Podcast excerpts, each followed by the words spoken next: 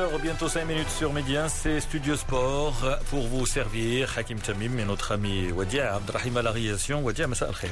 Bonsoir Hakim, مساء الخير لكل المستمعين الكرام. إذا عدد جديد من برنامج استوديو الرياضة حكيم كل يومي السبت وأحد في إطار البرامج الرياضية للقسم الرياضي لميديا وبطبيعة الحال الحديث كل الحديث في هذا العدد عن الرياضة كرة القدم ألعاب القوى مجموعة من الرياضات الأخرى لكن التركيز سيكون حول ألعاب القوى التي أجريت بطولة العالم النسخة السابعة عشرة بالدوحة وأسفرت عن نتائج مخيبة للأمال للمغرب. برونزية واحدة حكيم عبر سفيان البقالي. Sofiane Bakali qui a terminé troisième du 3000 mètres steeple, c'était vendredi soir. Eh bien, Sofiane Bakali est resté dans le groupe de tête à 400 mètres de l'arrivée. Il a tenté d'attaquer. Il a pris le départ, mais bien entendu, Éthiopiens et Kenyans étaient dans les parages et à l'arrivée, il s'est contenté d'une troisième place. On rappellera qu'il y a deux ans, il avait terminé deuxième. Sofiane Bakali, bien sûr, c'est le, seul qui a permis au Maroc de faire son entrée dans le tableau des médailles. Pour le reste, vous le disiez, eh bien, c'était une déception. On attendait beaucoup d'autres athlètes, femmes et messieurs, mais finalement, seul Sofiane Bakali a tiré son épingle du jeu, même si c'est une bonne médaille, mais lui, il espérait peut-être l'or, voire l'argent. بالفعل حكيم سنعود للحديث عن هذا الموضوع. وحصيلة المشاركة المغربية في بطولة العالم لألعاب القوى التي أجرت أطوارها في الدوحة. كما ذكرنا مع الإطار المغربي المتخصص في ألعاب القوى الوطنية أحمد خويا علي للحديث عن هذه الحصيلة. كما سنتحول من ألعاب القوى أم الألعاب إلى الكرة يعني إلى الرياضة. الأكثر شعبية في العالم كرة القدم بطبيعة الحال والحدث. ستتجه الأنظار بداية من الأسبوع القادم صوب تواريخ الفيفا والمباراتين الوديتين للمنتخب المغربي أمام ليبيا والجابون لهذا الغرض الناخب المغربي وحيد هاليلوزيتش في ثاني ظهور أعلن عن لائحة أولية تطرح الكثير من التساؤلات على اعتبار أنها حملت أسماء جديدة وأسماء أيضا أخرى كانت سبق لها دفاع عن ألوان المنتخب المغربي بالإضافة إلى غياب مجموعة من الكوادر واللائحة التي تتميز كما يعلم الجميع بغياب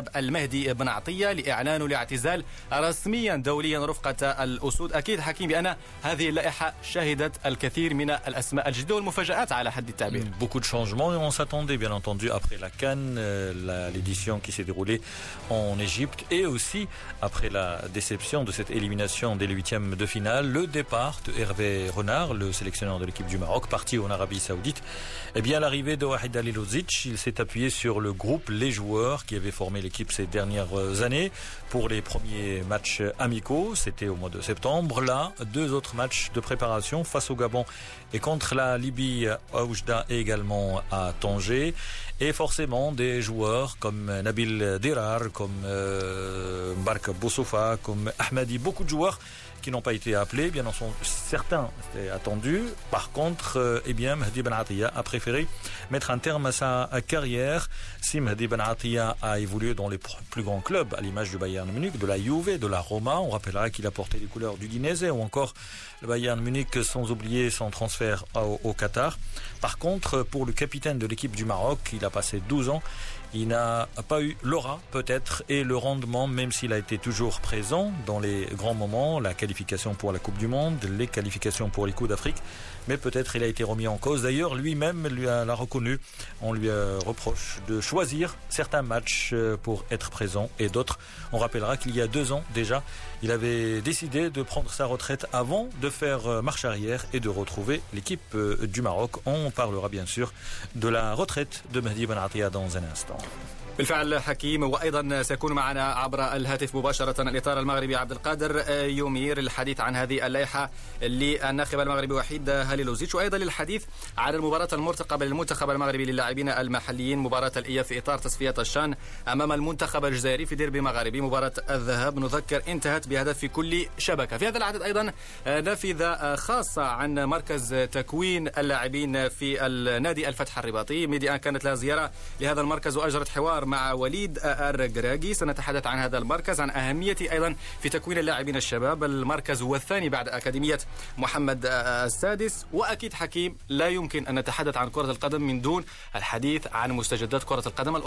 Tout à fait, le football européen dans un instant, mais juste euh, une parenthèse pour euh, dire qu'à Tanger se déroule en ce moment le tournoi de l'UNAF, les filles U20. Pour l'instant, l'équipe du Maroc occupe la première place après avoir battu lors de la première sortie le Burkina Faso 2 à 1 hier. L'équipe du Maroc a battu la sélection algérienne sur le score de 3 à 0. L'Algérie avait gagné lors du premier match face à la Tunisie sur le score de 8 à 0. Et hier, eh bien, le Burkina Faso a dominé la Tunisie 2 à 1. Du coup, le Maroc est seul en tête. Demain, la troisième et dernière journée, le Maroc sera opposé à la Tunisie. Le football européen, on le sait, il y a plusieurs affiches ce soir. L'Italie avec l'Inter face au Milan AC. L'Inter, c'est le leader. L'Inter face à la Juve. L'Inter, c'est le leader. La Juve est deuxième. En Espagne, le FC Barcelone affronte le FC Séville. Le Real Madrid, c'est le leader, a gagné hier 4 buts à 2 sur son terrain après avoir mené 3 à 0. Eh bien, le Real a vu Granada revenir à 3 à 2 avant de gagner 4 buts à 2. Cet après-midi, il y a quelques minutes, l'Atlético Madrid s'est contenté d'un nul sur le terrain de Valladolid. Et puis en France, Lyon face à Saint-Etienne, c'est un derby avec Lyon qui vient de changer d'entraîneur avec Claude Puel. On écoutera notre consultant pour le football italien et également pour le, le football français. ومن دون إطالة مستمعينا الكرام إلى التفاصيل ومستهل بطبيعة الحال هذا العدد بألعاب القوى المغربية والنسخة السابعة عشرة من بطولة العالم لألعاب القوى الكل. تابع خيبة الأمل المغربية. ميدالية برونزية واحدة أحرزها العداء المغربي سفيان البقالي في سباق ألف في سباق 3000 متر موانع. أمس يعني أمس يعني خيبة أمل أخرى رباب عرافي في نهائي 1500 متر سيدات حلت في المركز التاسع. السباق الذي أحرزته الهولندية سيفا حسن من أصول إثيوبية. وأيضا سبق لرباب عرافي أن فشلت أيضا في نهائي 800 متر. ما يعني أن باقي الأسماء لم تحقق الأرقام المرجوة. سنعود بالتفصيل لحصيلة المغاربة في بطولة العالم. لألعاب القوى مع الإطار المغربي أحمد خويا. علي سي أحمد مساء الخير. أهلا وسهلا واهلا وسهلا بجميع المستمعين الكرام. طيب يعني سي أحمد أكيد انك بعين تقنية تبعت يعني الأداء والحصيله المغربية في بطولة العالم لألعاب القوى. يمكن نقول بأنها نتيجة كارثية لأن الكل تعود على الصعود إلى منصة التتويج لسنوات طويلة. لكن مع الأسف السنوات الأخيرة يعني هناك تراجع للأداء المغاربة في بطولة العالم لألعاب القوى. ولكن دعنا نركز على بطولة العالم في الدوحة. هل تعتقد بأن برونزية سفيان البقالي كفيلة لأن نقول بأن ما زال هناك وقت لإعادة ألعاب القوى إلى السكة الصحيحة؟ أولا بأنه عشان نقول لك هو بأن المسألة بأنه النتائج لم تكن في المستوى اللي كنا تنتسناو لأن النتائج بصراحة دون المستوى لأنهم ما وصلوش ما وصلوش الأبطال المستوى غير اللي مشاو مشاو من أجله أولا بأنهم مشاو بأرقام اللي هي جيدة بأرقام اللي هي يعني محترمة ولكن ما ولو يحققوا هذيك الأرقام الشخصية وهذا هو اللي يوضع عدة نقاط استفهام. كان الوفد المغربي فيه 17 العداء من ضمنهم 13 ذكور وربعه ديال الاناث شاركنا في تسعود ديال المنافسات الوثب الطويل ذكور 800 متر ذكور وإناث 1500 ذكور وإناث الموانئ الماراثون اللي داز البارح واللي استطاع من خلاله العداء حمزة بأنه يستغل المرتبة الثامنة وبعد ما أدى واحد الأداء اللي هو جيد. ولكن ما استطاعش بانه يحقق الرقم القياسي الشخصي ديالو اللي هو ساعتين و10 ديال الدقائق. كان ساعتين و11 كون على ساعتين و10 ولا كان يزيد شوية لقدام كذلك بأنه كان تأخر شوية في السباق. هذا هو يعني بأنه أداء اللي اداء أداء اللي هو جيد ما بيش ولكن محمد رضا الأعرابي اللي الزميل ديالو بأنه تخلى على السباق جوج ديال العداء اللي ما خداوش الانطلاقات كالعداء نتاع كعزوزين اللي ما شفناش في 1500 متر وكذلك العداء العزوزي وكذلك العداء الزحافي ما استطاعش بأنه يدوز النهاية بأنه طار في الدور الأول. هذا الأربعة ديال الاختصاصات اللي توازنا فيهم في النهاية هو رقم اللي هو هزيل جدا. اولا في 3000 متر موانع بالبقالي و800 متر الذكور وكذلك إناث برابر يعني بين الله جوج عدائين من الوفد ديالنا اللي فيه. 17 واحد اللي استطاعوا بأنهم يكونوا في, في النهاية. أما الماراثون فكانوا عندنا جوج في خط الانطلاقة واحد وقف وواحد كمل. والماراثون تنعرفوا بأنه آه، سباق اللي تيجرى نهاية مباشرة. هذه الأرقام هذه تجعل بأن تنوضع عدة نقاط استفهام بانه بأنه تسعه ديال الأبطال اللي تقصاو في الطور الأول ستة اللي استطاعوا يدوزوا للطور الطور نصف النهائي ويلا جوج اللي لعبوا في النهاية نقولوا رابا بأن لعبت في 800 وفي 1500 في 800 بأنه ما استطاعش بانها تواكب الإيقاع وكذلك بالنسبة ل 1500 دخلت في المرتبة التاسعة البارح امام نعم. كل من حسن وكل من اموير نعم أكيد سي أحمد يعني يعني قمت بسرد مجموعة من النتائج ديال العدائين المغاربه لكن السؤال المطروح اليوم من يتحمل المسؤولية في هذا الإخفاق؟ هل الإدارة التقنية الوطنية هل الجامعة الملكية المغربية لألعاب القوى اللي منذ مدة يعني وهي تحاول إيجاد ربما الخلف المجموعة من الأسماء التي عودتنا على النتائج؟ سعيد عويطة النزهة بدوان هشام القروج إبراهيم بولامي مجموعة من الأسماء. اليوم ما الذي ينقص؟ ألعاب القوى المغربية لأن تبعنا هذه النتائج. وهل أيضا التحضير؟ تحضير هؤلاء الأبطال. من يشرف على سفيان البقالي مثلا؟ سفيان البقالي شارك في العديد من الملتقيات. يعني ربما هناك البعض يتحدث عن عدم حسن تدبير مسار هذا الموسم. الدليل على ذلك هو أنه شارك في آه، إحدى الدورات البطولة المأسية. بعدها بيومين شارك في الألعاب الإفريقية. هل تعتقد بأن الإدارة التقنية الوطنية هي الوحيدة التي تتحمل المسؤولية في هذا الإخفاق؟ واكيد هو لا يمكن فصل الإدارة التقنية عن الجماعه لأن الكل كلهم عندهم نفس الهدف انهم يؤثرون الأبطال ويهتمون برياده الالعاب وهم المسؤولين عليها. فما يمكنش. الإدارة التقنية بوحدها اللي تقوم بعمل بأن الإدارة التقنية بانها تقوم بالعمل ديالها وتكون تتبع تخصهم من لجان من داخل الجامعة ومن المكتب الجامعي. الآن تنشوفوا بأنه هذا عدم الاستقرار اولا في الإدارة التقنية. هذه السنوات ما تنشوفوش بأنه كان هناك مدير تقني ولا كاين إدارة بمعناها الحقيقي. لأن هذا الشيء ما تيتحملوش شخص واحد لأن ما كاينش مدير تقني اللي تيخدم بوحده المدير التقني تيخدم في واحد الإطار تاع واحد الهيكلة. اللي تتكون منظمه بان تكون عنده بزاف ديال اللجان اللي تيكونوا تيكون هو تيشرف ككوردوناتور كمنسق وتخدم واحد المجموعه ديال الدائين وتخدم مع الجهاز الطبي تخدم مع الناس ديال التكوين تخدم مع الناس نتاع الأورغانيزاسيون تاع التنظيم ديال التظاهرات تيخدم مع اللجان تاع الستاتيستيك ولا تتبع التتبع لأن غير بحال اللي جبتي دابا بانه اللي شارك في عدة سباقات فهو في بداية الموسم بدأ الموسم ديالو بدأ بكري وحقق فيه أرقام اللي هي جيدة. أول ملتقى اللي تيكون ماسي هو اللي تيكون في الدوحه وكان فاز به كذلك بأن حقق أحسن انجاز عالمي اللي هو 8 دقائق 0 4 ديال التوالي اللي خلاه بانه يكون هو اللي تيتصنف الترتيب العالمي في 3000 متر موانع لعب موناكو الدوري الماسي ومن بعده يومين جا هنايا للدوحه للمغرب ولعب في الألعاب الإفريقية وحتى المرتبة الثالثة. انهزم في العصبة الماسيه في في النهاية. ودابا عاوتاني انهزم في بطولة العالم بعيد بانه نهاية الموسم ديالو ما كانش في المستوى اللي كنا تنشوفوه في بداية الموسم. أكيد بانه كان هناك واحد الخلل في البرمجة وبين التتبع إلى غير ذلك. المدرب ديالو هو المدرب اللي هو محنك اللي هو عنده مستوى جيد ست سنوات كريم. وتنظن بأنه ربما بان العروض وبان الطلبات وبأنه بأن خصنا نكونوا حاضرين في الملتقيات هما الملتقيات مشاو ولكن لا بطولة العالم والالعاب الأولمبية هي اللي تدخل الأسماء نتاع الأبطال ماشي الملتقيات الدولية. الملتقيات دي بيزنس هذوك تيجيو نعم. تيداروا لأهداف آه، معروفة. نعم. أما بطولة العالم في الاسم ديال كي خلتيه تيبقى. دابا تيبقى أكيد. و... دورة الدوحه نعم. ميدالية نحاسية وتنحتلوا بها مرتبة اللي هي مرتبة بعيده جدا بان نحن الآن دابا في المرتبه 29 حنا واحد مجموعه دول فايتنا بالنسبة للدول آه، آه، العربية. كاين البحرين أمامنا بثلاثة الميداليات الذهبية وفضية ونحاسية وكذلك قطر في المرتبة 15 ميدالية ذهبيه وميداليه نحاسية ميدالية نحاسية وحنا الله ميداليه نحاسية.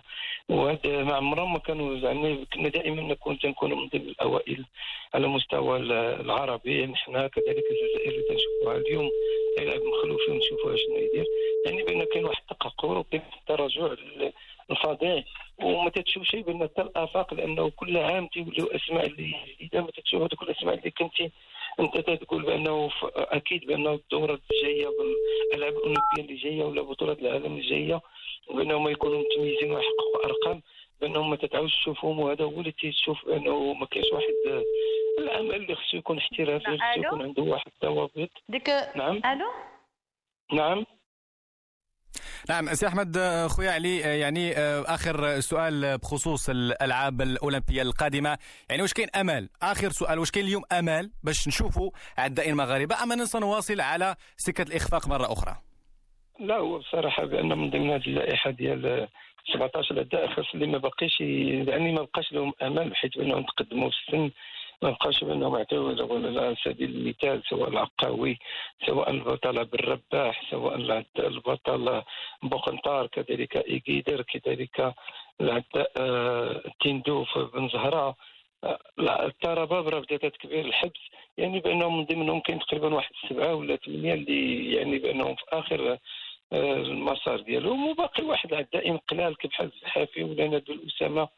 اسماعيليه يقدر يكون هذوك العدائين تاع 800 متر ولكن إلا طاحوا في واحد الاطار اللي هو احترافي ودار لهم واحد البرنامج اللي هو معقلان وكان واحد النوع من الاحترام. ماشي كل واحد منهم تيدرب مع مدرب كل واحد يدير برنامج لراسو. لا خص الفريق الوطني تكون عنده الصبغه ديال الفريق الوطني بمعنى ما لهم الكلمة. طيب سي أحمد خويا علي الإطار المغربي في ألعاب القوى. شكرا. جزيلا لك اولا على كل هذه التوضيحات. وأيضا نتمنى مرة أخرى ألعاب القوى أن تعود إلى صحتها الجيدة وأن نستعيد نغمة الانتصارات والعودة إلى التتويجات شكرا مرة أخرى سي أحمد خويا علي. شكرا. إذا مستمعينا الكرام إذا تحدثنا رفقة الإطار المغربي أحمد خوي علي عن حصيلة المشاركة المغربية في بطولة العالم لألعاب القوى وأكيد بأننا تحدثنا عن مجموعة من الأمور وأيضا مجموعة من النتائج التي كما ذكرنا كانت سلبية. الغريب في الأمر هو أن الكل كان يعول على بعض الأسماء أسماء يعني لا يمكن لها أن تحمل المشعل لوحدها. سفيان البقالي أو رباب عرافي يعني اسمين فقط غير كافيين لإستعادة توهج العاب ألعاب القوى المغربية. على العموم سننتظر ما ستسفر عنه الإدارة التقنية المغربية في الأيام القليلة المقبلة وسنحاول اتصال رفقة المسؤولين في الجامعة الملكية المغربية لألعاب القوى للحديث أكثر عن الحصيلة التقنية للعدائين المغاربة في بطولة العالم لألعاب القوى التي تختتم اليوم في الدوحة القطرية.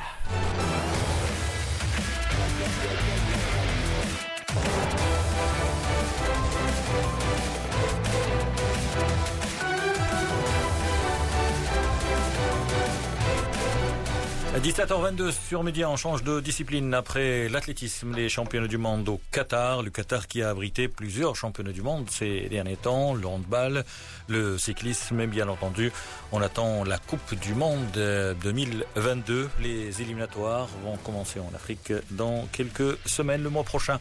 D'ailleurs, on parle de football donc, et en parlant de football et la sélection marocaine, on parle de son capitaine Biloto, son ancien capitaine, puisque Mehdi Ben Atria a décidé de raccrocher les crampons, mais au niveau international. Il a mis un terme à sa carrière avec la sélection, mais il évolue toujours au Qatar, on le sait. on a évoqué Mehdi Ben Attia vendredi, samedi également dans Studio Sport et dans l'avant-match avec nos consultants. Vous le savez, Mehdi Ben Attia a évoqué évolué en Allemagne, en Italie, Qatar. Il a une longue expérience avec la sélection marocaine. Là, on écoute l'international marocain à propos de cette décision. Après la Cannes, j'avais envie de réfléchir un peu à, tout ça. J'ai été en plus malheureusement blessé au genou pendant, pendant presque un mois et demi, donc euh, j'étais pas dans le dernier rassemblement, le premier du nouveau coach Vaïd. Et euh, je me suis entretenu avec lui euh, il y a une dizaine de jours d'ailleurs. Et je lui ai dit que voilà, tout simplement, je, comptais voilà, mettre fin à ma carrière internationale. Donc c'est jamais une décision facile. Je le sentais déjà un petit peu à la canne. C'est pourquoi euh, j'ai été vraiment très touché de l'élimination euh, contre le Bénin, parce que pour moi, je ne pouvais pas euh, finir comme ça. Voilà, c'était Mehdi Benati à propos de sa décision de raccrocher les crampons avec la sélection marocaine, la sélection marocaine bien entendu, qui a entamé un nouveau cycle, une nouvelle ère avec Wahid Ali Lodzic. Et les prochains matchs, ce sera dès la semaine prochaine contre la Libye à Oujda et le Gabon à Tanger avant le début des éliminatoires de la Coupe d'Afrique et de la Coupe du Monde. Ça sera au mois de novembre. En parlant football au Maroc toujours, il est 17h24. En ce moment, à Tanger, eh bien, à Tanger se déroule le tournoi de l'UNAF, les U20, le football féminin. Quatre équipes participent à cette édition, le Maroc, la Tunisie, l'Algérie et le Burkina Faso. Après deux journées, eh bien, le Maroc occupe seul la première place avec deux victoires. C'était déjà jeudi. Le Maroc avait dominé le Burkina Faso 2 à 1.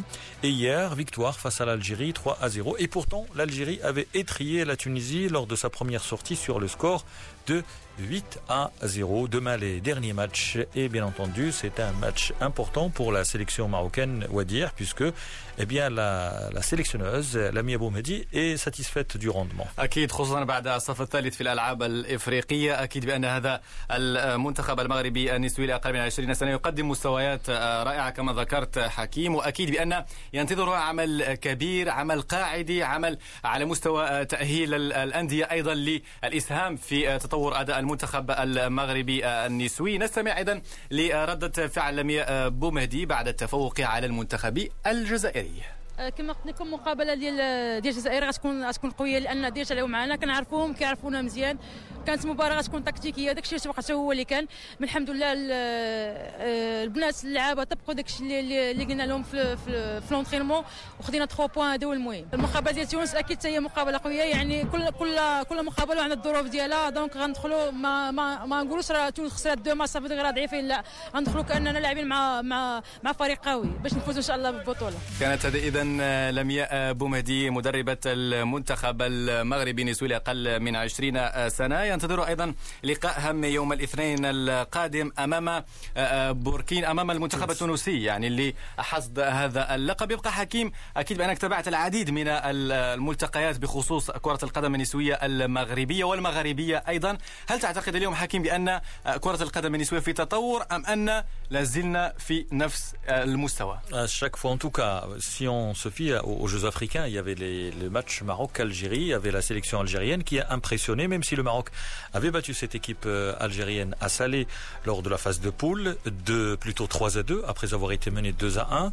C'est une équipe qui est composée de plusieurs joueuses qui évoluent à l'étranger, je parle de l'Algérie. Là encore, l'équipe que j'ai vu jouer hier ici à Tanger, c'est une équipe prometteuse, je parle toujours de l'Algérie. Les joueuses évoluent en Europe et au Canada. Et paradoxalement, l'équipe marocaine a impressionné déjà lors des Jeux africains. Après cette troisième place, il faut dire que des sélections comme le Sénégal, le Nigeria, le Cameroun, c'est un grand au-dessus. Mais au niveau maghrébin, la sélection marocaine reste, à savoir bien sûr le championnat du Maroc parce que parfois on est des scores de 15 à 0, 11 à 0. L'ASFAR, c'est l'équipe qui domine le football au Maroc côté féminin. Mais n'empêche, c'est une bonne initiative. L'UNAF, c'est le tournoi de l'Union nord-africaine de football avec cette année l'équipe du Burkina Faso qui a été invitée. Mais en tout cas, c'est de bon augure vu la prestation de certains joueurs en défense centrale surtout, l'attaque aussi. Et puis la compétition, il n'y a rien qui remplace la compétition. Il y a des championnats, par exemple, j'ai eu une discussion avec un responsable tunisien. Il s'est confié, il a dit qu'en Tunisie, il n'y a plus de football féminin depuis cinq mois. De plus, L'équipe est arrivée vendredi dernier, deux séances d'entraînement et, et a commencé la compétition. Et euh, il a dit et répété, même si on s'entraîne, il n'y a rien qui remplace la compétition. Du coup, multiplier ce genre de tournoi, multiplier ce genre de confrontation aide toujours à, à s'améliorer. Reste bien sûr que c'est un travail de longue haleine et c'est un travail qui doit être poursuivi tout au long de la saison et pas euh, par étape ou encore on va dire mensuellement. بالفعل حكيم سنعود للحديث في أعداد قادمة من استوديو الرياضة والبرامج الرياضية حول المنتخب المغربي النسوي وكرة القدم النسوية في المغرب وفي المنطقة المغاربية بعد الموجز الإخباري للخامسه والنصف سنعود للحديث عن المنتخب المغربي الأول وهذه اللائحة الجديدة للناخب المغربي الجديد أيضا ما زال جديدا حكيم كيفما كان الحال وحيد لوزيتش الذي 97 مع الرجاء البيضاوي. لكن سنعود لتحليل لائحة وحيد هالي لوزيتش رفقة الإطار المغربي عبد القادر يمير.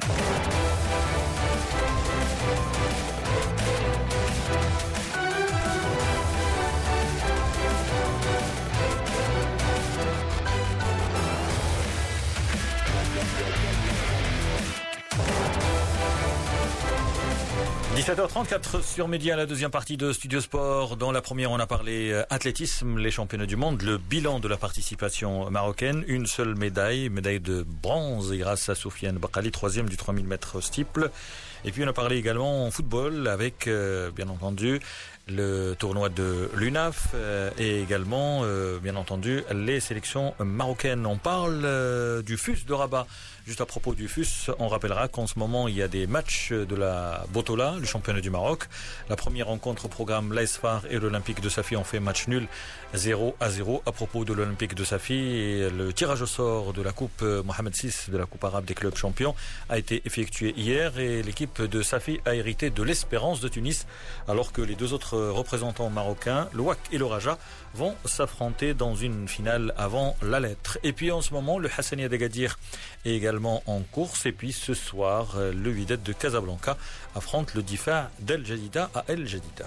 بالفعل حكيم أكيد مباريات متأخرة كما ذكرت عن الجولتين الأولى والثانية تتواصل في هذه الأثناء مباراة حسنية أكادير ونهضة بركان التعادل السلبي في حدود الدقيقة الرابعة والثلاثين الغريب حكيم في هذه الدورة هو تأجيل مباراة الرجاء ورجاء بني ملال. الكل كان يعلم بأن فريق الرجاء البيضاوي لا يمكن أن يعود إلى الأراضي المغربية حتى يوم الأحد على اعتبار أن المعبر يعني يقوم يغلق يومي الجمعة والسبت. هل تعتقد ربما حكيم بالنظر إلى هذه اللخبطة في البطولة الاحترافية في بدايتها بأن لا تغيير في البرمجة دائما نفس المشاكل؟ كيف يمكن إصلاح هذا الأمر خاصة أن المنافسة الخارجية منافسة كأس يعني البطولة العربية تبقى هي المنافسة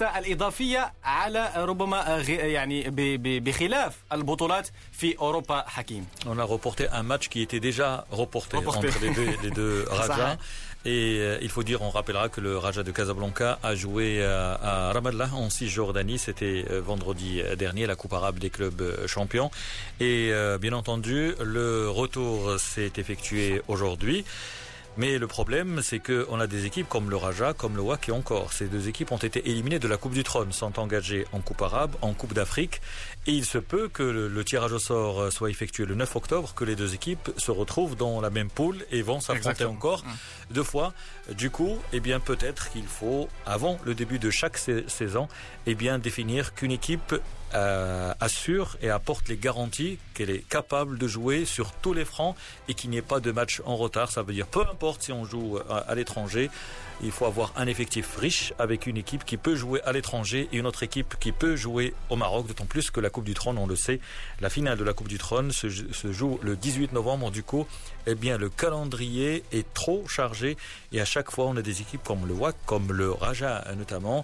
Là, cette année, on a encore le Hassania d'Agadir et la Renaissance de Berkane. Et on rappellera que l'Etihad de Tanger aussi était engagé en Coupe arabe des clubs et l'équipe du Détroit a été éliminée. Du coup, ce genre de problème euh, va se poursuivre parce que du moment que le Raja, l'OAC et les autres équipes n'apportent pas ces garanties, on peut jouer avec l'équipe B, on peut jouer avec les espoirs, les juniors, peu importe, mais n'empêche. La saison dernière, on rappellera que le WAC avait 20 points d'avance sur le Raja. Et à deux journées de la fin du championnat, le Raja avait encore 4 ou 5 matchs en retard. Donc on peut pas, on peut pas poursuivre à chaque fois parce que ça va se poser. Le problème va encore se poser dans les prochaines semaines. أو حكيم ربما التفكير في فرض قانون يفرض على الأندية ألا يعني تطالب الجامعة بتأجيل كل مرة المباريات أن تلتزم وتقول أنا ألتزم بالمشاركة لكن أتحمل مسؤولية في أي برمجة كما حصل مع الترجي التونسي الرابطة التونسية قالت للترجي إن أردت المشاركة في البطولة العربية تحمل مسؤوليتك وبالتالي لا يمكن لنا تأجيل أي مباراة. هذا من جهة. ثم حكيم هناك طرح آخر يقول لماذا لا نشرك الفرق التي لا تشارك في المنافسات القارية؟ بمعنى آخر نعطي فرصة واختيارها بطبيعة الحال من قبل الجامعة لتمثيلها في البطولة العربية. عوض الفرق التي تشارك في المنافسات القارية إلى جانب البطولة وأيضا كأس العرب. Mais la participation de certaines équipes, on va dire le WAC, le Raja notamment, donne du prestige à la représentation et également à la compétition. On parle de ce genre de problème, mais il y a un autre problème, c'est que certains stades sont fermés ou seront fermés. On parle de Marrakech qui pourrait être fermé, le stade de Fès, Casablanca, Rabat, il y a plusieurs matchs. Du coup, eh bien peut-être il y a une solution, le championnat du Maroc soit disputé comme une Coupe du Monde, réunir 24 équipes dans deux stades et disputer sur, sur un mois le championnat du Maroc parce que, il faut le dire, au niveau de la programmation, on ne parle pas de personnes c'est très difficile euh, parce que il y a plusieurs matchs en une semaine. Il y a l'ASFAR là qui dispute son match en retard. Il y a le Raja qui n'a pas encore commencé le championnat. Une équipe, on va parler du FUS. Le FUS a déjà disputé trois matchs et a été éliminé de la Coupe du Trône.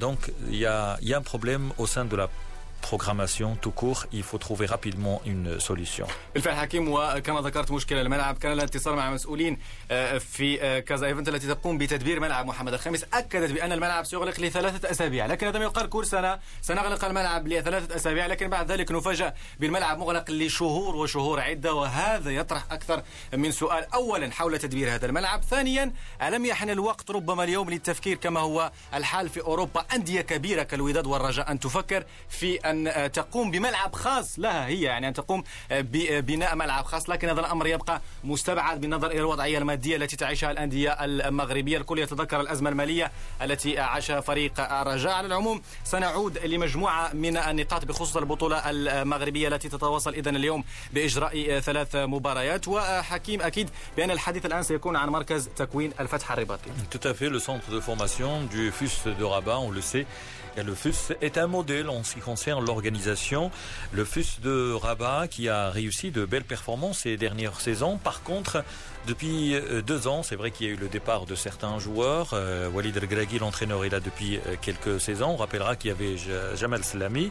Il y avait également d'autres entraîneurs à l'image de Hossein Amouta qui ont gagné des titres. Le FUS avec Walid El a gagné aussi des titres. Mais on parle surtout de formation et de centre de formation et de jeunes, bien entendu. On va écouter Walid El l'entraîneur du FUS. Il se confie justement à Wadir qui lui a rendu visite à Rabat et ce centre de formation. Bah écoutez, c'est un centre qu'on a ouvert il y a trois ans. Euh, exactement. Même si avant on avait commencé à loger certains joueurs au, centre Moulay Hassan, euh, on a vraiment commencé le projet centre de formation tel qu'il existe en Europe exactement depuis trois ans. Donc c'est que le début de, du nouvel ère. On a commencé à introduire des, des garçons euh, à partir de, de 13-14 ans, ce qui est bien, mais ce qui par rapport au club européen, ce qui se fait en Europe est quand même déjà assez tard parce qu'on n'a pas de, de préformation au Maroc ou de club structuré en amateur pour nous déjà nous fournir une certaine base avant les avant les 13 ans. Mais bon, on est à l'orée des, des, centres de formation. On est, nous et l'académie, peut-être les précurseurs avec euh, au Maroc, avec peut-être Tétouane et, et les phares qui, qui nous ont suivis aussi. Donc, euh, donc voilà, c'est le début. Il y a, il y, a, y a des choses positives, il y a des choses négatives. Chaque année, on essaye de progresser, de corriger ce qui, ce qui, ce qui se fait euh, de, de pas bien et d'améliorer ce qu'on, ce qu'on a fait de bien. Donc voilà, on saura sur le long terme ce qu'on a, ce qu'on a bien fait, ce qu'on n'a pas bien fait. Aujourd'hui, on est encore dans, dans l'acclimatation de la formation au, au Maroc. À noter, euh, Monsieur Walid, ça fait cinq ans que vous êtes à la tête du FUS. Est-ce qu'il y a une touche philosophique de Walid sur le plan stratégique par rapport au centre de formation?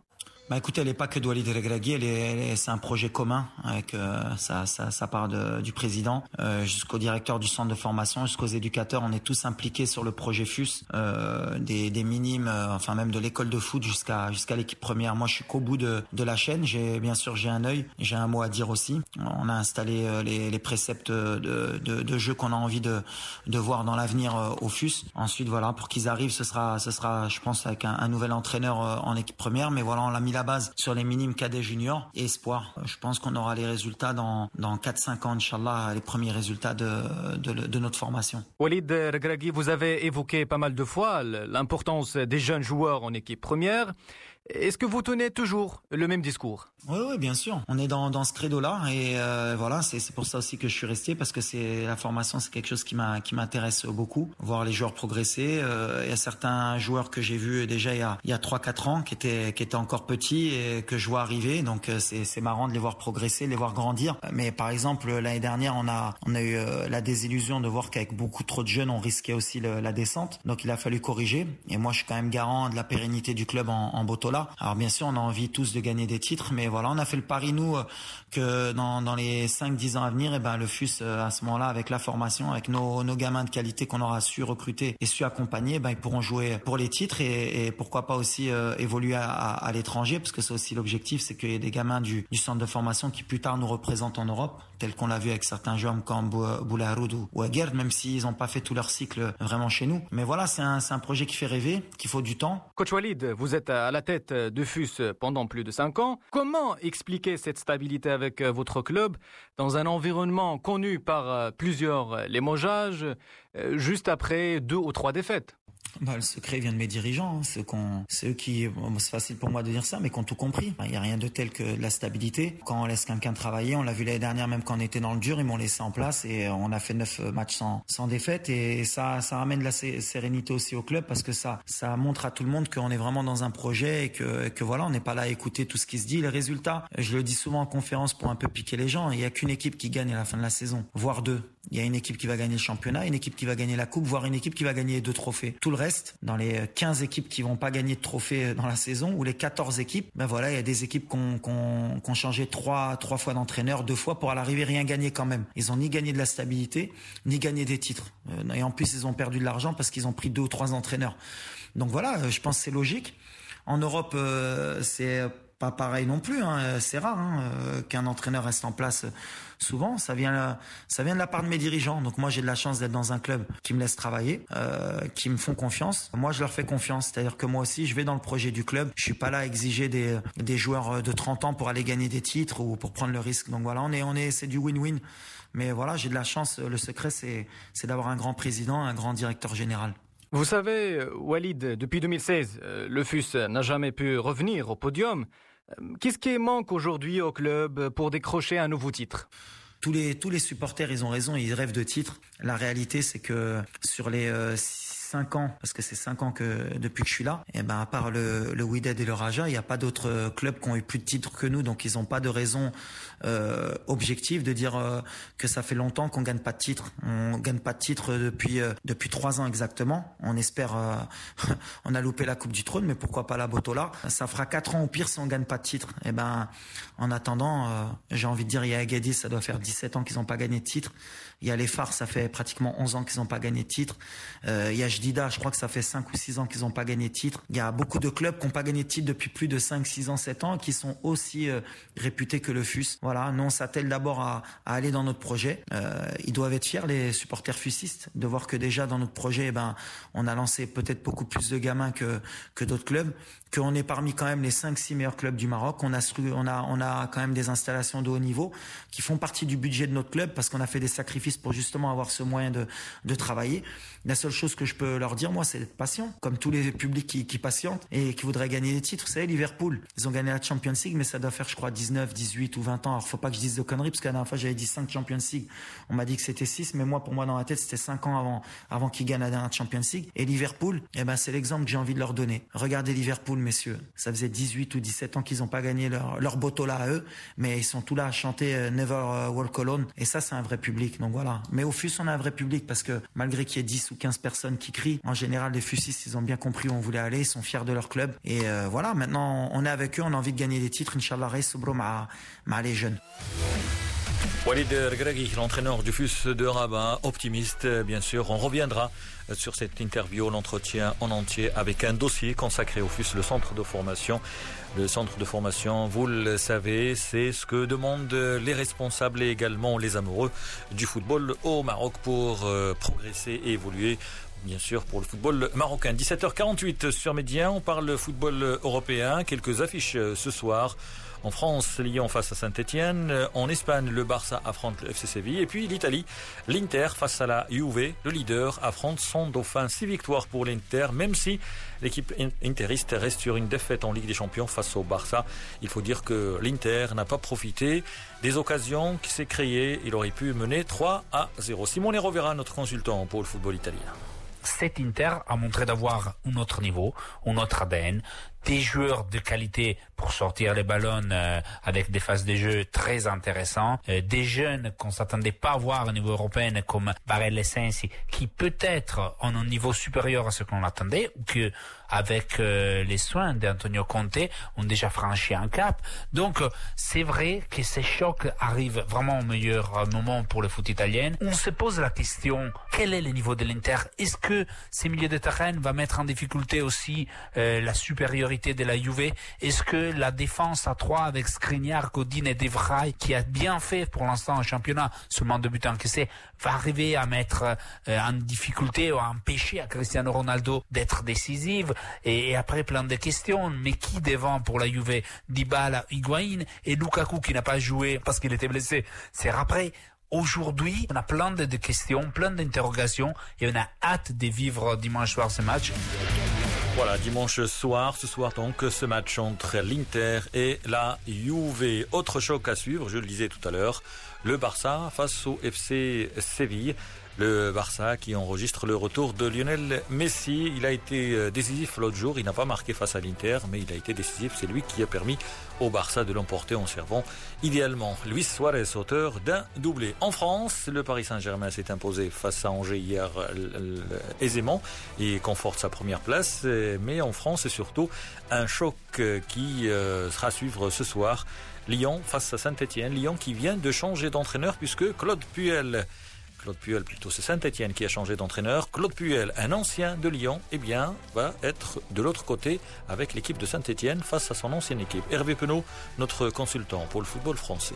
Claude Puel, qui est quand même quelqu'un qui a déjà fait beaucoup de choses en France, qui a un vrai passé d'entraîneur formateur et qui est un personnage euh, capable de, faire redémarrer cette équipe de Saint-Etienne. Claude Puel, ça c'est quand même une vraie bonne chose pour, pour Saint-Etienne, qui va venir avec peut-être un peu plus d'ambition dans ce derby, parce que le derby, il faut se rendre compte qu'en France, c'est quand même le, match choc, le match phare des, des, des matchs régionalistes. Hein. C'est vraiment le, le, plus important euh, dans le championnat de France, parce que de l'autre côté, vous avez Lyon qui arrive, qui était sur une très mauvaise dynamique, mais qui a réussi un coup énorme à Leipzig. Ils ont eu des faits de jeu qui ont plutôt tourné en leur faveur c'est-à-dire des, ratés incroyables des Allemands et puis des erreurs de défense qui ont permis aux attaquants euh, lyonnais de marquer. Mais il n'empêche que ça a permis surtout à Silvino de reprendre un peu d'oxygène parce qu'on savait que l'entraîneur était sous forte tension. On avait vu les déclarations de Juninho, directeur sportif, attaquant à peu près tout le monde dans le club, sauf Jean-Michel Aulas, et les propos de Jean-Michel Aulas expliquant dans une fin d'une interview à l'équipe un truc très simple en disant Silvino, ce sera un grand entraîneur.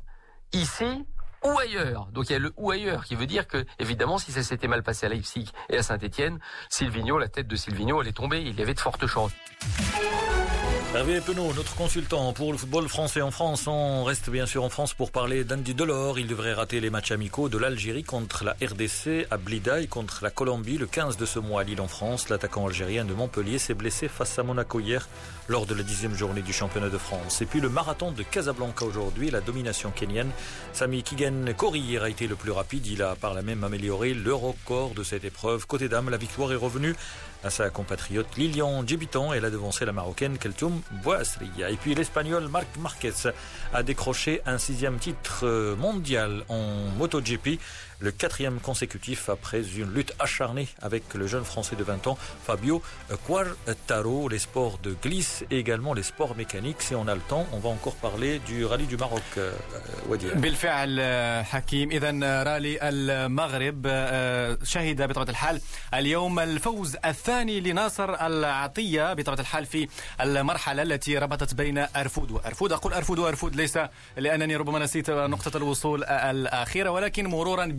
الطاوس ثم مرزوقة بطبيعة الحال الكتبان الرمية الجميلة لهذه المنطقة وعودة إلى أرفود. ناصر العطية المتوج بهذه النسخة لخمس مرات يتحدث عن فوز في مرحلة اليوم. اليوم المرحلة صعبة المرحلة طويلة 380 كيلو. تضاريس يعني جدا كانت صعبة بس الحمد لله يعني تفوقنا على على الجميع والسبيد يعني كان جدا عالي ومن غير أي أخطاء في في الملاحة. صار عندنا بانشر فلات تاير والحمد لله إحنا موجودين حاليا في البيفواك ويوم كان يوم جدا ممتاز بالنسبة لنا. اليوم اليوم تضاريس صحراوية مختلفة كلش. لأن الحين يعني في عندنا باقي ثلاث أيام أو أربع أيام مراحل يعني صعبة. لكن المؤشر جيد يعني إحنا موجودين في الصدارة. كان اذا ناصر العطية يبحث عن لقبه السادس في رالي المغرب وبرالي المغرب. نغلق اذا عدد اليوم من استوديو الرياضة. شكرا لك زميلي حكيم تميم. وأيضا لمخرج عدد اليوم عبد الرحيم البقالي.